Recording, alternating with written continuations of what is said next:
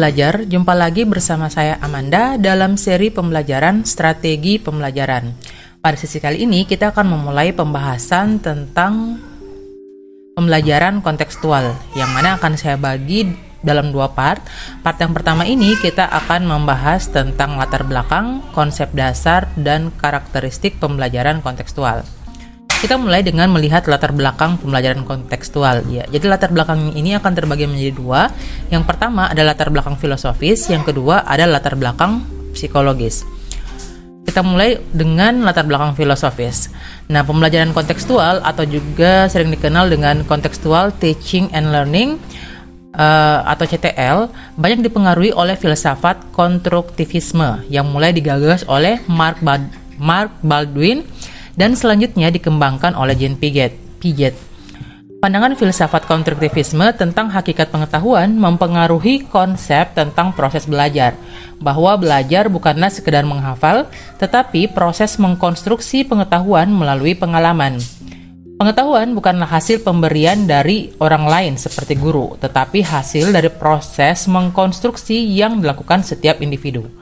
Pengetahuan hasil dari pemberitahuan tidak akan menjadi pengetahuan yang bermakna. Ya, itulah mengapa kalau model pembelajaran langsung yang mana guru hanya memberikan metode ceramah, itu biasanya tidak ditangkap dengan baik oleh siswa. Bagaimana proses mengkonstruksi pengetahuan yang dilakukan oleh setiap subjek dijelaskan dengan jalan pikiran Piaget sebagai berikut. Menurut Piaget, manusia tumbuh, beradaptasi, dan berubah melalui perkembangan fisik, perkembangan kepribadian, perkembangan sosio-emosional, dan perkembangan kognitif. Perkembangan kognitif sebagian besar bergantung kepada seberapa jauh anak memanipulasi dan aktif dalam berinteraksi dengan lingkungannya. Ada tiga aspek perkembangan intelektual menurut Piaget, yaitu struktur, isi, dan fungsi. Struktur atau skemata merupakan organisasi mental tingkat tinggi yang terbentuk pada individu waktu ia berinteraksi dengan lingkungannya. Isi merupakan pola perilaku khas anak yang tercermin pada responnya terhadap berbagai masalah atau situasi yang dihadapi.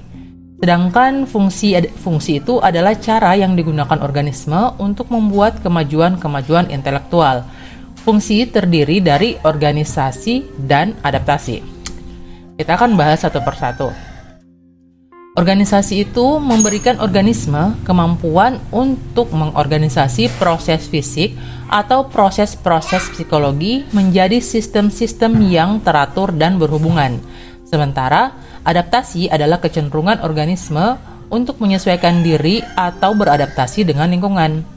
Cara beradaptasi ini berbeda antara organisme yang satu dengan organisme yang lain uh, adaptasi terhadap lingkungan dilakukan dengan dua proses. Yang pertama itu adalah proses asimilasi, yang kedua adalah proses akomodasi. Nah, dalam proses asimilasi, seseorang itu menggunakan struktur atau kemampuan yang sudah ada untuk menanggapi masalah yang dihadapi dalam lingkungannya. Sedangkan untuk proses akomodasi, seseorang memerlukan modifikasi struktur mental atau skemata yang ada dalam mengadakan yang ada dalam mengadakan respon terhadap tantangan lingkungannya. Ya, jadi tidak terjadi secara spontan. Sejak kecil, setiap anak sudah memiliki struktur kognitif yang dinamakan skemata yang terbentuk karena pengalaman. Semakin dewasa anak, maka akan semakin sempurnalah skemata yang dimilikinya. Proses penyempurnaan skemata dilakukan melalui proses asimilasi dan akomodasi. Nah, asimilasi ini merupakan proses penyempurnaan skemata, sementara akomodasi merupakan proses mengubah skemata yang sudah ada hingga terbentuk skemata baru. Semua proses asimilasi dan akomodasi terbentuk berkat pengalaman siswa. Sebelum e, seseorang mampu menyusun skemata baru, ia akan dihadapkan pada posisi ketidakseimbangan yang akan mengganggu psikologisnya Manakala skemata telah disempurnakan atau organisme telah berhasil membentuk skemata baru, ia akan kembali pada posisi seimbang. Nah, ketika dia sudah pada posisi seimbang ini, eh, organisme tersebut sudah siap untuk dihadapkan pada perolehan pengalaman baru. Berikut uh, uh, ilustrasi yang bisa kita lihat berdasarkan proses yang saya jelaskan tadi. Ini berdasarkan pendapat Sanjaya ya. Pada suatu hari, anak merasa sakit karena terpercik api. Maka berdasarkan pengalamannya, terbentuk skema pada struktur kognitif anak tentang api. Bahwa api adalah sesuatu yang membahayakan, oleh karena itu harus dihindari. Dengan demikian, ketika ia melihat api, e, secara refleks ia akan menghindar. Semakin anak dewasa, pengalaman anak tentang api bertambah pula. Ketika anak melihat ibunya memasak pakai api, ketika anak melihat bapaknya menggunakan api, maka skema yang terbentuk itu disempurnakan bahwa api bukan harus dihindari, tetapi dapat juga dimanfaatkan. Nah, proses penyempurnaan skema tentang api yang dilakukan oleh anak itu itulah yang dinamakan asimilasi. Semakin anak dewasa, pengalaman itu akan semakin bertambah pula, ya. Ketika anak melihat bahwa pabrik-pabrik memerlukan api, setiap kendaraan memerlukan api, dan lain sebagainya, maka terbentuklah skema baru tentang api. Bahwa api bukan harus dihindari dan juga bukan hanya sekedar dapat dimanfaatkan, akan tetapi api sangat dibutuhkan untuk kehidupan manusia. Proses penyempurnaan skema ini yang dinamakan proses akomodasi. Kita lihat lagi contoh yang lain. Misalkan Berkat pengalamannya, seorang anak memiliki skema tentang burung merpati sebagai binatang yang bersayap dan bisa terbang. Sehingga ia akan mengatakan setiap binatang yang memiliki sayap adalah burung dan setiap burung pasti dapat terbang. Selanjutnya, proses asimilasi terbentuk. Ketika ia melihat burung-burung yang lain yang sama-sama bisa terbang, misalnya burung yang lebih kecil dari burung merpati seperti burung pipit, dan burung yang lebih besar seperti burung elang. Dengan demikian, ia akan menyempurnakan skema tentang burung yang telah terbentuknya, bahwa burung itu ada yang besar dan ada yang kecil. Kemudian, proses akomodasi akan terbentuk. Misalnya, ketika anak tersebut melihat seekor ayam, anak akan menjadi ragu sehingga ia akan ada pada posisi ketidakseimbangan Sebab walaupun binatang tersebut bersayap, anak akan menolak kalau ayam yang dilihatnya itu dimasukkan pada skema burung. Karena ayam dia memiliki karakteristik lain, misalnya badannya lebih besar dan tidak bisa terbang. Melalui pengalamannya itulah anak memaksa untuk membuat skema baru tentang binatang yang bersayap, yaitu skema tentang ayam. Inilah yang dinamakan proses akomodasi yakni proses pembentukan skema baru berkat pengalaman. Kemudian pengalaman anak pun bertambah pula. Ia melihat ada itik, ada bebek, ada angsa, dan lain sebagainya, di mana semua binatang yang ia lihat itu bersayap, akan tetapi memiliki atribut-atribut yang sangat berbeda dengan ayam. Dengan demikian, ia akan membentuk konsep baru tentang binatang yang bersayap, yaitu tidak setiap binatang yang bersayap adalah burung dan dapat terbang. Jadi demi, uh, dengan begitu konsep tentang burung dan binatang bersayap itu adalah sebagai pros sebagai hasil dari proses asimilasi dan akomodasi yang dibentuk dan dikonstruksi oleh anak yang bersangkutan, bukan hasil pemberitahuan orang lain. Demikianlah selama hidupnya anak akan memperbaiki dan menyempurnakan skema-skema yang telah terbentuk. Pandangan Piaget tentang bagaimana sebenarnya pengetahuan itu terbentuk dalam struktur kognitif anak sangat berpengaruh terhadap beberapa model pembelajaran, di antaranya model pembelajaran kontekstual ini. Menurut pembelajaran kontekstual, pengetahuan itu akan bermakna manakala ditemukan dan dibangun sendiri oleh siswa. Pengetahuan yang diperoleh dari hasil pemberitahuan orang lain tidak akan menjadi pemberitahuan yang bermakna dan pengetahuan tersebut itu akan mulai dilupakan serta tidak fungsional. Kita lanjut ke latar belakang yang kedua yaitu latar belakang psikologis. Dipandang dari sudut psikologis, CTL berpijak pada aliran psikologis kognitif. Sesuai dengan filsafat yang mendasarinya, bahwa pengetahuan terbentuk karena peran aktif subjek. Menurut pandangan psikologi kognitif, proses belajar terjadi karena interaksi individu dan lingkungan. Belajar bukanlah peristiwa mekanis seperti keterkaitan stimulus dan respon. Belajar melibatkan proses mental yang tidak tampak seperti emosi, minat, motivasi, dan kemampuan atau pengalaman.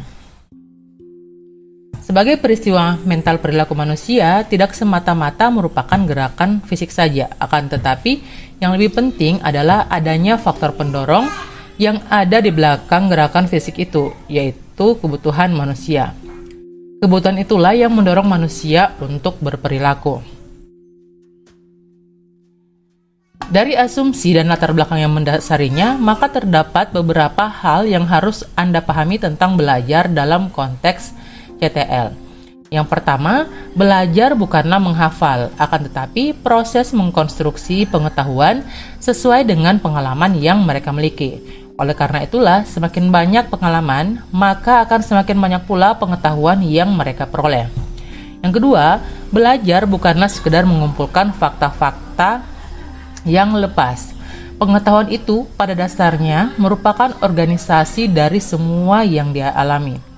Sehingga dengan pengetahuan yang dimiliki akan berpengaruh terhadap pola-pola perilaku manusia, seperti pola berpikir, pola bertindak, kemampuan memecahkan persoalan, termasuk penampilan atau performance seseorang.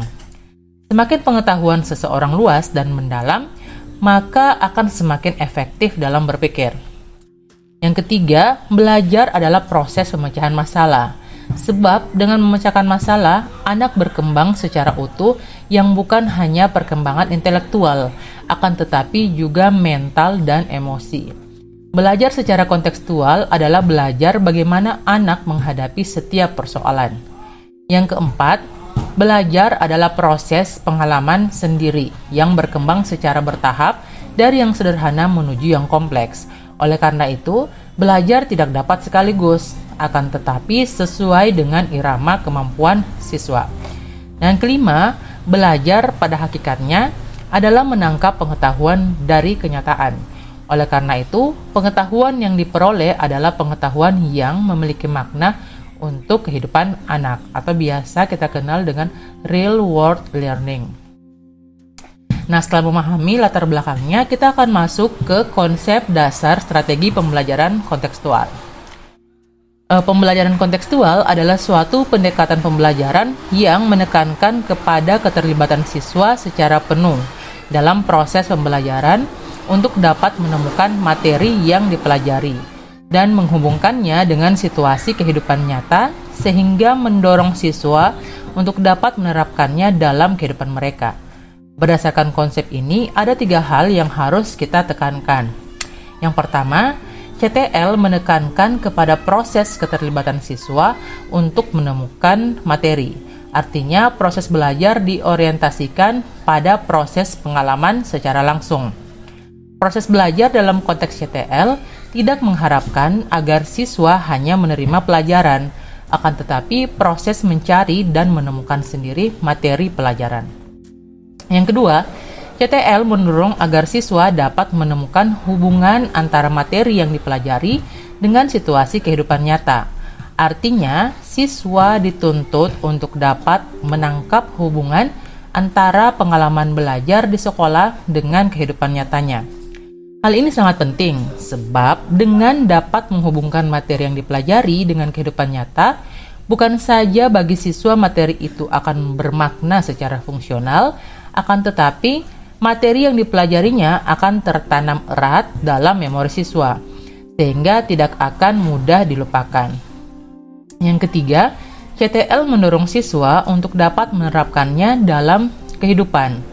Artinya di sini CTL bukan hanya mengharapkan siswa dapat memahami materi yang dipelajari, akan tetapi bagaimana materi pelajaran itu dapat mewarnai perilakunya dalam kehidupan sehari-hari.